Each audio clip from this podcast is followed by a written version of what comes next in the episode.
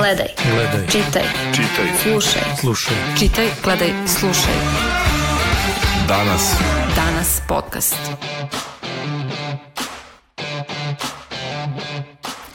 Slušajte novu epizodu podcasta Danasa koju snimamo povodom godinu dana od prvog zvanično registrovanog slučaja zaraze koronavirusom u Srbiji. Sa mnom su profesor uh, Ognjen Radonjić, profesor uh, filozofskog fakulteta i psihološkinja Ana Vlajković. Hvala vam najlepše što ste uh, došli. Uh, uh, evo Ana, da, da krenemo od vas. E, da li smo u, nakon godinu dana manje anksiozni, manje uplašeni, e, manje zastrašeni virusom? E, kakav je vaš utisak e, u odnosu na rad sa pacijentima? Teško pitanje mi postavljate, pošto ima dvojak odgovor. E, imamo jednu grupu, kao što možemo i da vidimo, građana koja se opustila koji su smatrali, pošto se nisu do sada zarazili, da očigledno da misle da ima neko, imaju prirodni imunitet i da se neće zaraziti, ovaj, što je, nažalost, jedan deo naše populacije. I uh, ljudi sa kojima ja radim uh, u privatnoj praksi, nažalost, sad imam povećan broj um, hajde da kažem, anksioznih poremećaja iz tog spektra, znači čak i paničnih napada od kada je ponovo, ovaj, od kada je ponovo počelo da se priča o mogućem uvođenju vanrednog stanja i lockdowna totalnog, ne samo policijskog časa, nego onog lockdowna koji je praktično kod nas bio samo vikendom, a u drugim zemljama u svetu ovaj, traje i sada negde i po tri, po četiri meseca, znači da se nije izlazi iz kuće osim za najneophodnije potrebe i to samo jedan član domaćinstva, najviše u krugu od 4-5 km ili kao što je u Sloveniji, samo u okviru njihove opštine mogu da se kreću, znači prebivališta. Uh, profesore, kako biste vi objasnili to što uh, se posle ovoliko vremena priča o ponovnom uveđenju vanrednog stanja, uh, da, li je, da li su po vašem mišljenju na osnovu brojki koje e, vidim da ste pripremili za ovaj podcast, e, da li mislite da, je, da su mere morale biti oštrije i ranije ili da je ovo sad posledica nekog, neke neodgovorne politike u poslednje vreme? Pa moram prvo da vas ispravim, nije tačno da je sad godinu dana od e, prvog slučaja korone, podsjetit ću vas da je... Ja sam danas... rekao prvo zvanično registrovanog. A, pa i to nismo sigurni, zato što a, zato što, a, koliko se ja sećam, a, tome su prihodili, tome je pretpostavljeno skup, ono, masovno skupljanje potpisa za izbora, pa je prvo današnja ministarka, tada i danas članica kriznog štaba, rekla da a, smo 1. marta imali zapravo prvi slučaj, pa se onda zbog te masovke u potpisima ispravila, pa je rekla da je u prvoj nedelji marta, A koliko ja sada znam, naučno je dokazano da smo mi imali 5. februara prvi smrtni slučaj od korone u celoj Evropi. Što se tiče ovog vašeg prvog pitanja, pa znate šta, ja imam utisak da se nama od početka šalju dvostruke poruke, a dvostruke poruke su vrlo opasne. Ja moram samo da vas podsjetim da smo tog 26. februara imali onu konferenciju gde su se ismevali sa virusom i pozivali su nas na shopping u Italiji, međutim da bi ceo kontekst bio malo da bi se malo bolje upoznali sa celim kontekstom, ja bi se vratio nekih mesec dana ranije. To je bio kraj januara 2020. Dakle, jedno mesec dana pre te konferencije, kada je uh, ministar zdravlja e, dao jednu izjavu u kojoj je rekao da smo mi e, potpuno spremni za koronu, da pomožemo drugim zemljama da se organizuju, da je Svetska zdravstvena organizacija proglasila globalnu pa-, pandemiju da bi nas upozorila na ozbiljnost situacije, da, da čak je kad dođe i ako dođe korona da neće biti tragedija, da mi imamo sve neophodne reagencije, da možemo da imamo koliko god hoćemo testova i da ćemo znati u roku od dva sata da li je neko bolestan ili nije, da je, će biti potrebno mesec, ne, nekoliko meseci da se napravi vakcina i da mi možemo da napravimo tu vakcinu ako je neophodno i poslednje da se neki ljudi smeju na dolazećoj zarazi, ali da te ljudi nisu stručni, da nemaju sve potrebne informacije i da ne žele dobro Srbiji. Ono što smo mi videli kasnije, da nismo bili spremni za koronu, da jesmo doživeli tragediju posebno među zdravstvenim radnicima, da nismo uspeli, da ne umemo da napravimo vakcinu i da su se zapravo na dolazećoj zarazi nisu smeli tamo neki ljudi, nego da se smela vlast zajedno sa svojim kriznim štabom. I čak i nakon toga u nekom periodu je išla relativizacija celog problema. Ja se sjećam sredinog marta kad, je, kad smo se i mi na fakultetu pitali da li da zatvorimo fakultet ili ne, ovaj, da je doktor Kon izašao i rekao da nema potrebe da se zatvore vrtići zato što, i škole zato što deca ne prenose virus, da oni budno pradne situaciju i da će promptno reagovati ako se ukaže potreba. On je sledećeg dana rekao da će dati ostavku ako se škole vrtići ne zatvore e, do kraja školske godine. Dakle, šta hoću da vam kažem, vi e, kada šaljete kontradiktorne poruke, normalno je da ćete imati za posledicu nepoverenje građana, a poverenje građana u jednom demokratskom društvu, poverenje građana u institucije je ključno. Dakle, i poverenje se gradi tako što im govorite istine, a ne tako što im šaljete kontradiktorne poruke. Sećate se da se krizni štab vikao na nas, da se ljutio, da nam je slao morbidne SMS poruke u sred noći, da nas je zastrašivao, da su sledeće dve nedelje a, ključne, da virus slabi, da ovaj, kako, kad bude došlo toplo vreme da će on potpuno usporiti, iako za tada nije bilo nikakvih dokaza za tako nešto, jer u delovima sveta gde je bilo leto i gde je bilo toplo, virus se ta, isto tako brzo širio. Znači vi a, onda ćete sa posledicu imati nedisciplinovane građane s kojima vi teško možete da sarađujete i onda idete na prinudne mere kao što je policijski čas i kao što je zatvaranje građana, a policijski čas i zatvaranje građana zapravo je refleksija vaše nesposobnosti da se suočite sa problemom. Da, ja sam čitala vaš tekst na Peščaniku povodom godinu dana, od, vi ste pisali povodom godinu dana od te konferencije na koje je doktor Nestorović rekao da je korona najsmešniji virus i da postoji samo na Facebooku e, i vi ste se osvrnuli na to da je vrlo upitno da li je taj e, prvi slučaj zaraze koji je zvanično objavljen zaista e, zaista je bio prvi, ali e, kako e, posle svega što smo videli e, posle e, kolapsa zdravstvenog sistema, kako objašnjavate ponašanje ljudi, da spustimo na taj nivo, ponašanje ljudi da idu na skijanja, da idu na žurke, da idu na masovna okupljanja. Pa znate, evo sad ovako kako sam slušala ovaj, retrospektivu ovaj, poslednjih eh, tih pre godinu dana, onako sam se u sebi pitala, bože, prošla već godinu dana, meni se čini kao da je to bilo juče. Mislim, tako nekako ova godina prošla um, u jednom čudnom um, čudnoj atmosferi, a ono što je dominiralo je u stvari potpuni gubitak kontrole e, nad sobstvenim životom ovaj, koji su svi građani osjećali. Znači, koji su e, praktično sa donošenjem raznih mera, sa tim upravo um,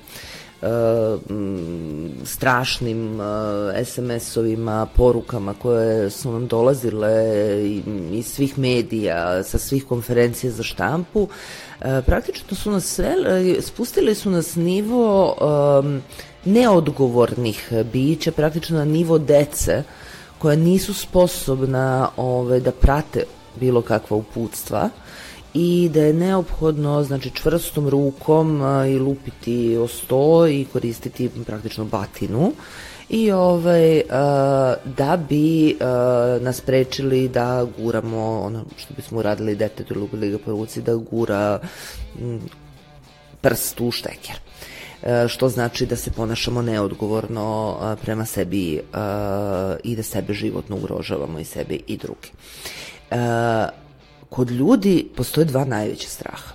Strah od smrti i strah od gubitka kontrole koji se naziva i strah od ludila, ali u, u suštini je to strah od gubitka kontrole. Ovde smo odjednom imali uh, na enti stepen povećana oba straha.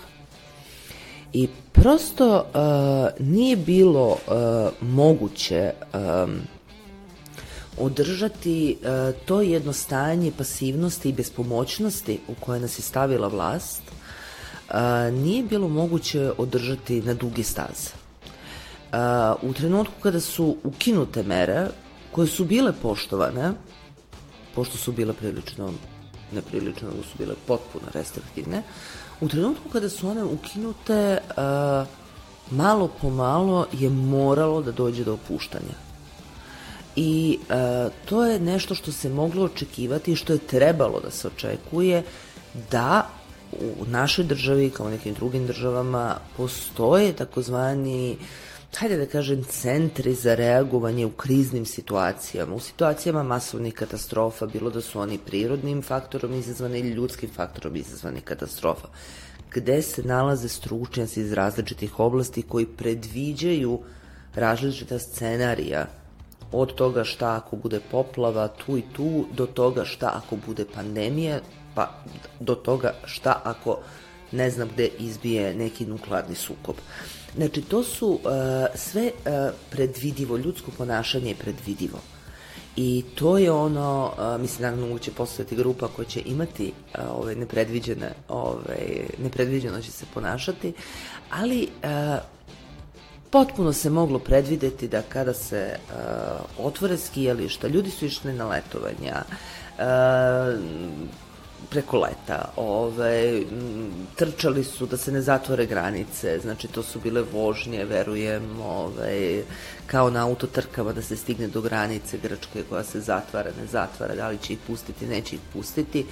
E, bilo je sasvim normalno da kada dođe zima, skijališta rečeno je na otvorenom, ne moraju da se nose maske što je potpuni nonsens, zato što je ovaj, i na otvorenom imamo interakciju sa ljudima i na otvorenom se veliki broj ljudi u stvari i zarazi.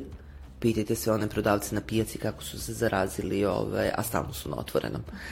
A, tako da, a, bilo je sasvim za očekivati da će se ovo dogoditi i da će naravno a, ne samo mladi, već i da će i starija populacija čim dobiju prvu dozu vakcine smatrati da su zaštićeni i da će krenuti potpuno slobodno, slobodno, nezaštićeni da se šetaju i samim tim naravno da će virus ponovo početi ove, da kola u populaciji mnogo brže nego do sada. E, pomenuli ste taj gubitak kontrole i strah od strah ljudi da nemaju kontrolu nad svojim životom. Evo, e, ja sam, vi prepostavljam vi e, slušali doktora Radovanovića, on je baš pričao o tome kako se uporno priča o kolektivnom imunitetu kada dostignemo neki 70% populacije da stekne na neki način imunitet, bilo prirodnim putem, bilo vakcinacijom. E, na stranu što to e, prema rečima nekih svetskih stručnjaka i nije dovoljan broj za kolektiv imunitet. E, druga stvar je što je vrlo nezahvalno računati brojkama kada ne znamo ni koliko imunitet traje, kada ne znamo koliko ljudi je preležalo i vakcinisalo se, koliko se ti broji preklapaju i tako dalje.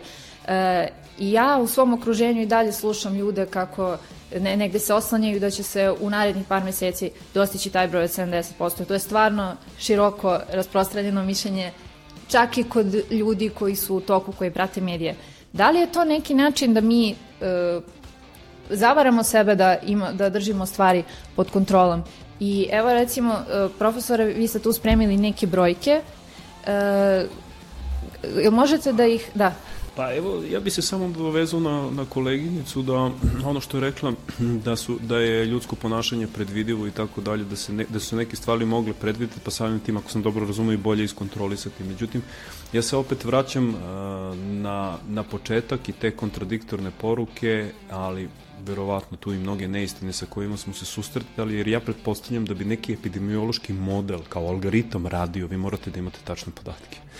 Ono sa čime mi od početka ne raspoložemo su tačni podaci, tako da vi ne možete da očekujete da ćete vi, čak i uz, da pretpostavimo i najbolje namere, i ljudi na vlasti, i lekara u kriznom štapu, teško da vi možete da dođete do pravih mera i dobrih mera, efikasnih mera. Što se tiče vakcine, Uh, ja ne znam, uh, i ovde je to ovaj, uh, slučaj i u inostranstvu da se sad na vakcinu gleda kao, na, ta, kao neku panaceju, jedan snake oil koji je univerzalno sredstvo da, da, ovaj, da reši problem. Ja nešto u to ne verujem, A, pre svega zbog, ovog što, zbog ovoga što ste rekli da 70% ljudi treba da stekne imunitet, ja sad ne, ne znam te epidemiološke modele, ali so, vi morate da imate, znači, vi morate da imate a, da, stopu po kojoj se ljudi vakcinišu, pa da onda uračunate vreme kada stiču imunitet, pa koliko taj imunitet traje i tako dalje, i odnosno na to kada ubacite u model da vi doćete do, broj, do te brojke kada je moguće očekivati da ćete imati 70% ljudi koji su stekli imunitet, pa mislim to verovatno za nekoliko godina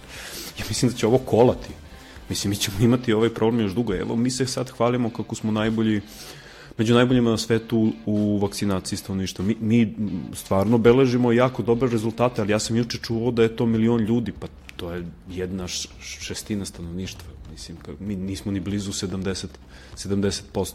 Drugo, ako, ako antitela traju 3 do 6 meseci, pa to znači da ćete vi morati dva put godišnje da se vakcinišete. Mislim, kako kažem, to je sve jedan vrlo kompleksan proces. A što se tiče da tih friziranih brojki i zapravo kako mi stojimo u svetu, ja slabo primećujem da se o tome ovde govori. Na primjer, pa sam ja malo juče kad ste me vi pozvali, ja sam malo pogledao te brojke i prilagodio ih World Barometer sam, sam gledao brojke i prilagodio, jer tamo stoji da Srbija, na primjer, ima 8,7 miliona stanovnika, a oni to verovatno računaju sa Kosovom i Metohijom, pošto Srbija ima 6,9 miliona stanovnika i kada se to prilagodi, vi dobijate, zapravo, osim što smo u vrhu po vakcinaciji mi smo u vrhu i po nekim uh, vrlo ovaj uh, da kažem zabrinjavajućim podacima. Um, pa evo ja sam gledao prema jučerašnjim podacima mi smo imali 471.000 zaraženih i bili smo 35. na svetu, znači kao ta apsolutna brojka. Ali kad pogledate na milion stanovnika, vi imate 68.000 zaraženih na milion stanovnika, po čemu smo 15. na svetu. E sad onda morate da izbacite, pazite, to je znači prvih 20, imate 200 zemalja, znači tu smo u 25% na samom vrhu. Ali ima tu, malo i statističku pristrasnost da ćete vi lošije podatke imati za male zemlje, kao što su Andora, Gibraltar, San Marino i tako dalje. Zato ako prilagodimo, ja sam onda gledao samo zemlje koje imaju 5 i više miliona stanovnika, I onda smo mi tu ovaj, peti na svetu. Zapravo ispred nas a, su Češka, Amerika, Izrael i Portugal. Onda idemo mi. A zamislite, šesta je Švedska koja nije imala nikakav karantin, policijski čas, nikakva ograničenja i mi beležimo lošije rezultate od Švedske.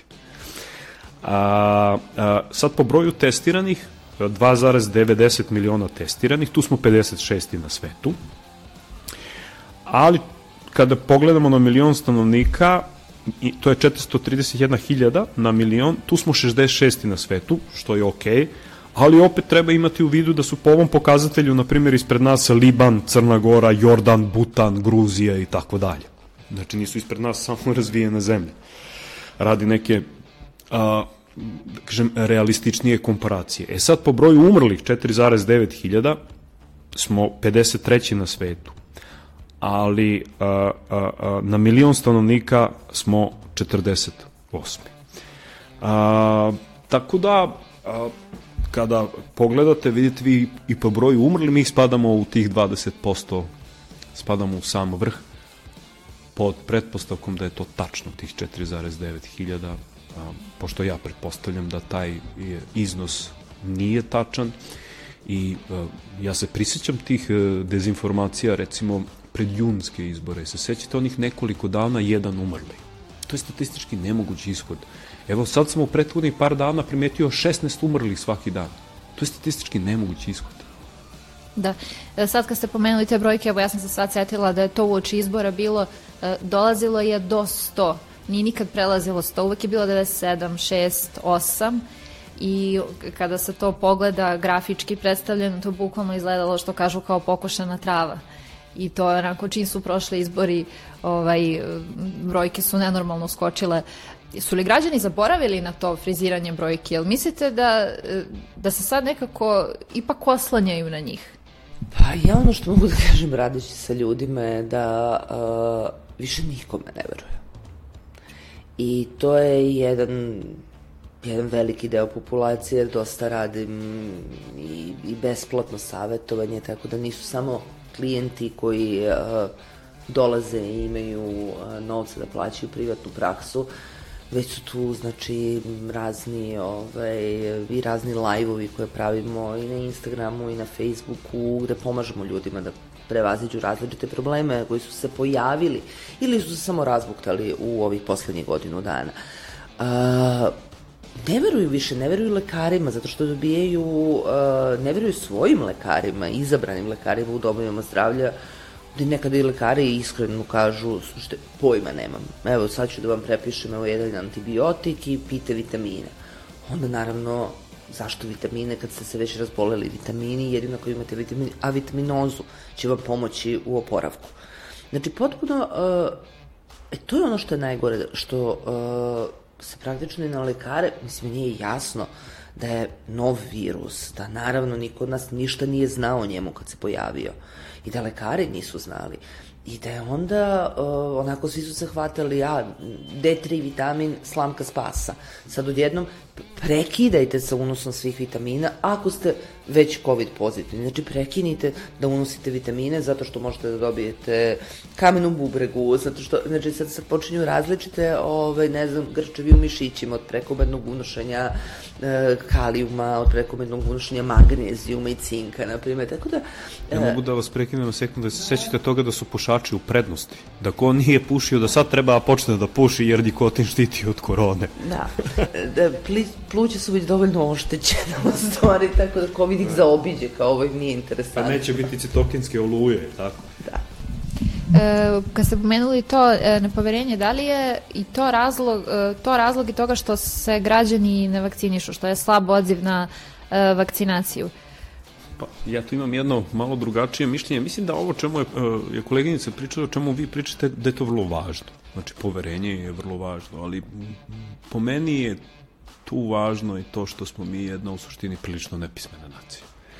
Znači vi imate ovde 60% funkcionalno nepismenih, ogroman je broj ljudi samo sa osnovnom školom i tako dalje. Znači vi da biste, kako ga kažem, da biste ozbiljno shvatili u situaciji koji se nalazite, vi morate ozbiljno da se na, oslonite na nauku, a ne na neke vračeve.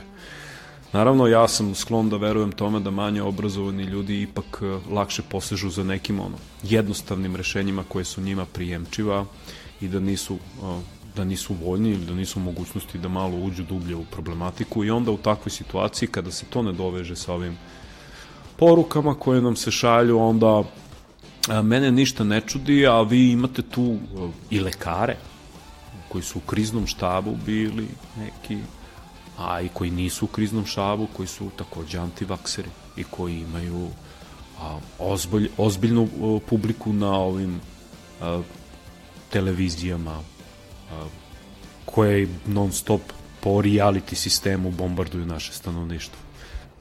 Da, ali čak i, čak i građani koji jesu za vakcinu, uh, koji bi rekli da bi primili vakcinu uh, i za koje sam ja, na primjer, mislila da će to uraditi, kada je došlo vreme za to, čini mi se da su imali neku dozu straha i nepoverenja. Ali pazite, to je normalno, da vam kažem. Uh, ono što, recimo, nas nisu obavestili, da je kad je kineska vakcina u pitanju da smo mi treća faza ispitivanja, dakle da mi učestvujemo u istraživanju. Mi Pakistan. I ja mislim neka arapska zemlja, ne znam tačno koja. Znači, e, kako vam kažem, vi, zašto nam to nisu rekli? I onda ljudi to saznaju, pitaju da li je istina. Kaže, istina je, pa dobro, ali zašto nam niste rekli? Sad ispadamo mi zamorčići pa nećemo mi da se vakcinišemo. Ja pričam konkretno o kineskoj vakcini zato što je kineska vakcina ovde najmasovnija. A sad imamo i slučajeve da nekim ljudima daju dve različite vakcine i onda, kako vam kažem, to onda se ljudi osjećaju loše, uplašeni su. Jed, jedan takav slučaj može ozbiljno da uzdrma poverenja. Evo nama četvrti, peti slučaj. Mislim, nije čak to ni mnogo s obzirom na to koliko se ljudi vakciniše, ja ne mogu da kažem. Ali prosto smo sad mi u takvoj situaciji da smo vrlo senzibilni, da, da, da smo vrlo osetljivi, da burno reagujemo na, na neke e, informacije koje ne spadaju u naše poželjno razmišljanje, taj wishful thinking, jel? Tako da, s obzirom na celu tu situaciju, ja mislim da oni koji upravljaju ovom državom treba apsolutno, moraju da budu toga svesni, oni nisu e, toga svesni ili ne žele da budu svesni i ja tu u tom smislu nisam optimista. A vam deluje način na koji se komunicira cijela situacija? Sad dobili smo zaista veliki broj vakcina, delimo po regionu, čak predsednik kaže možda birate koju ćete vakcinu, e, daćemo vam, pomažemo komšijama i tako dalje. Jel e, to malo previše e, deluje pobednički u odnosu na ono kada slušamo recimo krizni štab, šta nam govore lekari. I koja poruka i čija poruka ima moć da utiče zapravo na ponašanje ljudi? O, deljenje vakcina po regionu, dok imamo list čekanja, još uvek i rizičnih grupa i ljudi koji rade u prosveti, i ljudi koji rade i po vrtićima, i zdravstvenih radnika koji još uvek nisu primili vakcinu, ove, mi smo, mislim, nismo mi, predsednik države je Božić Bata koji ide i pomaže regionu. Sve je to okej. Okay i sve je to u redu, da smo, možda i jesmo mi te vakcine dobili na poklon, ja ne znam, pošto se nigde ne govori o tome. To je državna tajna, znači ne znamo koliko. Ako smo dobili te vakcine na poklon, sasvim u redu, ako ih imamo dovoljno, to jest nema dovoljno zainteresovanih za vakcinaciju kod nas, da pomognemo našim susedima. E, to je politička priča. To je politička pozadina i prosto ja ne bih ulazila u to. Što se tiče vakcinacije i odabira vakcina, u mom detinjstvu niko nije pitao moje roditelje da li hoće da ja budem vakcinisana i još kojom vakcinom. Mislim, uvek je bilo naravno vakcina i ovih i onih uh, koje su se davale, ali nekako je sasvim bilo normalno da se zna kalendar vakcinacije i sva deca su bila vakcinisana. A, neke vakcine naravno imaju nus efekte, ali se smatraju bezbednim zato što je mm, prosto uh, veća je korist od štete. I tu se mora izmeriti i sa ovim vakcinama. Znači, uh, ovde se više ne radi o tome da li ćemo imati propratne efekte koji su teški, već se radi o tome da biramo između toga da između toga da postoji mogućnost da umremo ukoliko se zarazimo i dobijemo najteži oblik, bez obzira na to kog smo, koje smo godište. Znači da postoji mogućnost znači da ukoliko se ne vakcinišemo, znači nemamo razvijena antitela i sa druge strane da rizikujemo primajući jednu od vakcina. Da, ja se sećam e, isto e, s početka pandemije, to jest ovde epidemije, e, svi smo pričali da ne smemo ovu temu da politizujemo, da moramo da se fokusiramo samo na, na virus, na taj neki medicinski aspekt cele priče. Međutim, ono što smo videli jeste bilo gotovo isključivo politizacija.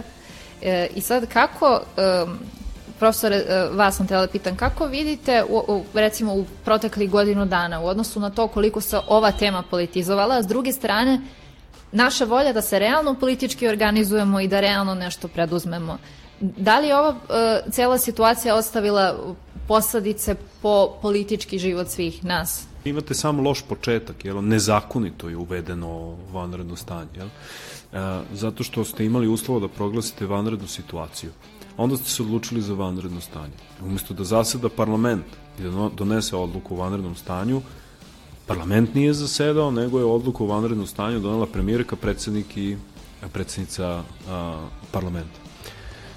I onda se tu dalje svašta dešavalo, imali smo policijski čas, pa su neki mogli da idu na krove, da pale baklje i da uznemiravaju stanovništvo, a s druge strane ste vi imali ljude koji, ne znam, neka mlada, ona devojka Jovana Popović, koja je bila zatvorena, nedeljama je bila u zatvoru zato što je kao navodno prekršila karantin. Pa se sećam nekog čoveka kog su uhapsili za vreme policijskog časa koji je obrađivo njivu. Pa je vaša koleginica Ana Lalić uhapšena zato što je izveštavala o katastrofalnom stanju u kliničkom centru Vojvodine da su se ljudi borili sa virusom goloruki praktično. Pa se sećate onog sa vračara, onog nekog sredovečnog čoveka koji se šeto pa ga uhvatila policija počela da ga šamara. A oni pale baklje po, po krovovima. A onda posle kad su zaustavili policijski čas zbog nadolazećih izbora, onda može futbalska utakmica sa više desetina hiljada ljudi.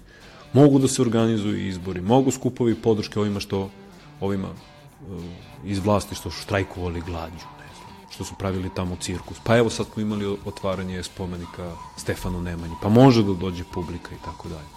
Dakle, vi kada uparite to je jedno ograničavanje uh, ljudskih sloboda sa svima nama koji smo u ovoj celoj situaciji imamo jedan veliki pad u socijalizaciji. Jel? Čovek je socijalno biće i svakom smislu što se manje socijalizuje to više duhovno siromaši. I kada to upariti sa strahom koji se podgreva non stop sa ovih nacionalnih frekvencija i tim dvosmislenim uh, porukama, vi dobijate jednog uplašenog čoveka kojim je vrlo lako manipulisati. I onda vi razbijate vaše a, ovaj, političko okruženje i smanjujete vaše demokratske kapacitete i onda normalno nije ni čudo kada vi čitate sad poslednji izveštaj Freedom House-a da ste vi i u onom i, i, i pre ste bili poluslobodna zemlja, a sad ste i dalje poluslobodna zemlja, samo što ste na toj Još lestvici dodatno da. pali, jel? I eto, tu smo gde smo, jel? Hvala vam najlepše što ste govorili za podcast danas. Gledaj, Gledaj. čitaj, Čitaj. slušaj. Slušaj. Čitaj, gledaj, slušaj. Danas. Danas podcast.